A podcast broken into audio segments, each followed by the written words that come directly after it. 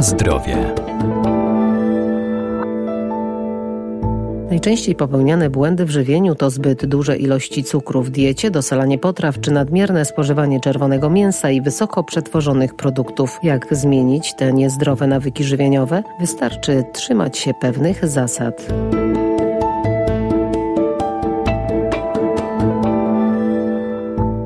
Mniej soli, mięsa i cukru, więcej produktów zbożowych, warzyw, owoców oraz ryb. To tylko niektóre wskazówki zawarte w najnowszych opracowaniach Narodowego Centrum Edukacji Żywieniowej. Zalecane proporcje poszczególnych grup produktów w codziennej diecie. Zilustrowano graficznie w postaci talerza pełnego różnorodnych produktów. Talerz jest podzielony na trzy części. 50% zajmują warzywa i owoce, 25% zajmują produkty pełnoziarniste, ostatnie 25% zajmują zdrowe źródła białka i tłuszczy. Dietetyk kliniczny Przemysław Dobrowolski. Dodatkowo wokół talerza podane są proste instrukcje, jak zadbać o zdrową i zbilansowaną dietę. Wyszczególnione są trzy kategorie: jedz więcej, jedz mniej oraz zamieniaj. Każda kategoria zawiera kilka punktów wraz z prostymi krokami, jak wkomponować je do naszego życia. Zacznijmy od tego, co należy spożywać w większych ilościach. Przede wszystkim warzywa i owoce, bogate w witaminy i składniki mineralne. Zawierają dużą ilość błonnika, pomagają w redukcji masy masy ciała,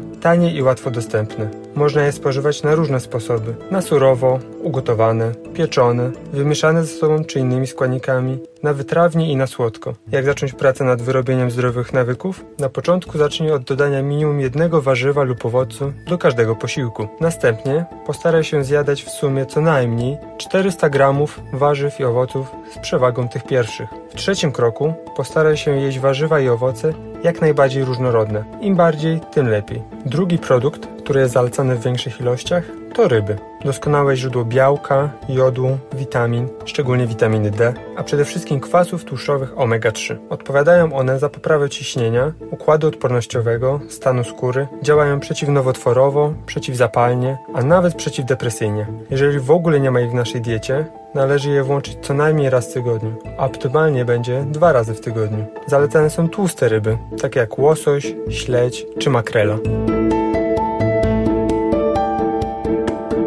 Na zdrowie.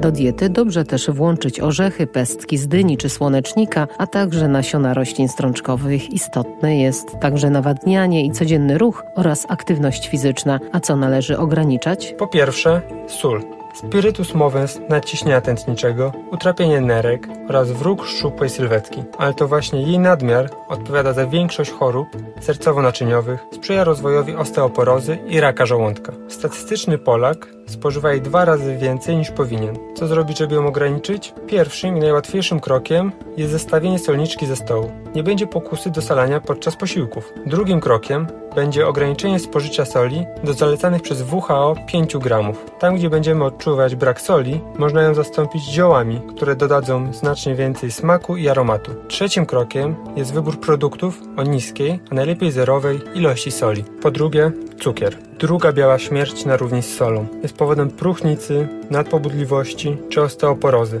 a u dzieci może wywołać alergię. Dodawany obecnie do wszystkiego. Napojów, jogurtów, również naturalnych, płatków kukurydzianych, keczupów czy gotowych sosów. Jest kilka sposobów, aby ograniczyć go w diecie. Na przykład zamienić słodkie napoje na wodę lub napoje zero. Równie zalecana jest zamiana słodyczy na owoce. Ważne jest również, aby wyrobić sobie nawyk czytania składu produktów, które kupujemy. Jeżeli widzimy go na pierwszym lub drugim miejscu, powinniśmy zastanowić się, czy aby na pewno potrzebujemy ten produkt lub znaleźć jego zdrowszy odpowiednik. Poza dobrym wyborem produktów, istotna jest również regularność ich spożywania. Posiłków powinno być od 3 do 5 dziennie w równych odstępach. Pomiędzy nimi staramy się nie podjadać i mieć przy sobie zawsze wodę, której możemy się napić. Jeszcze ostatnia rzecz, aktywność fizyczna. Podstawa najnowszej piramidy żywienia. Należy pamiętać o niej w codziennym życiu. Drogę do lub z pracy pokonać na rowerze lub spacerem, w bloku skorzystać ze schodów zamiast windy.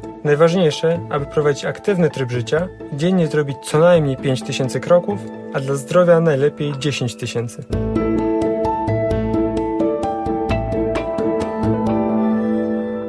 Warto również zamienić smażenie i grillowanie na gotowanie, w tym na parze oraz duszenie i pieczenie, a codzienna dieta powinna być zróżnicowana, ale także dobrana do indywidualnych potrzeb. Na zdrowie.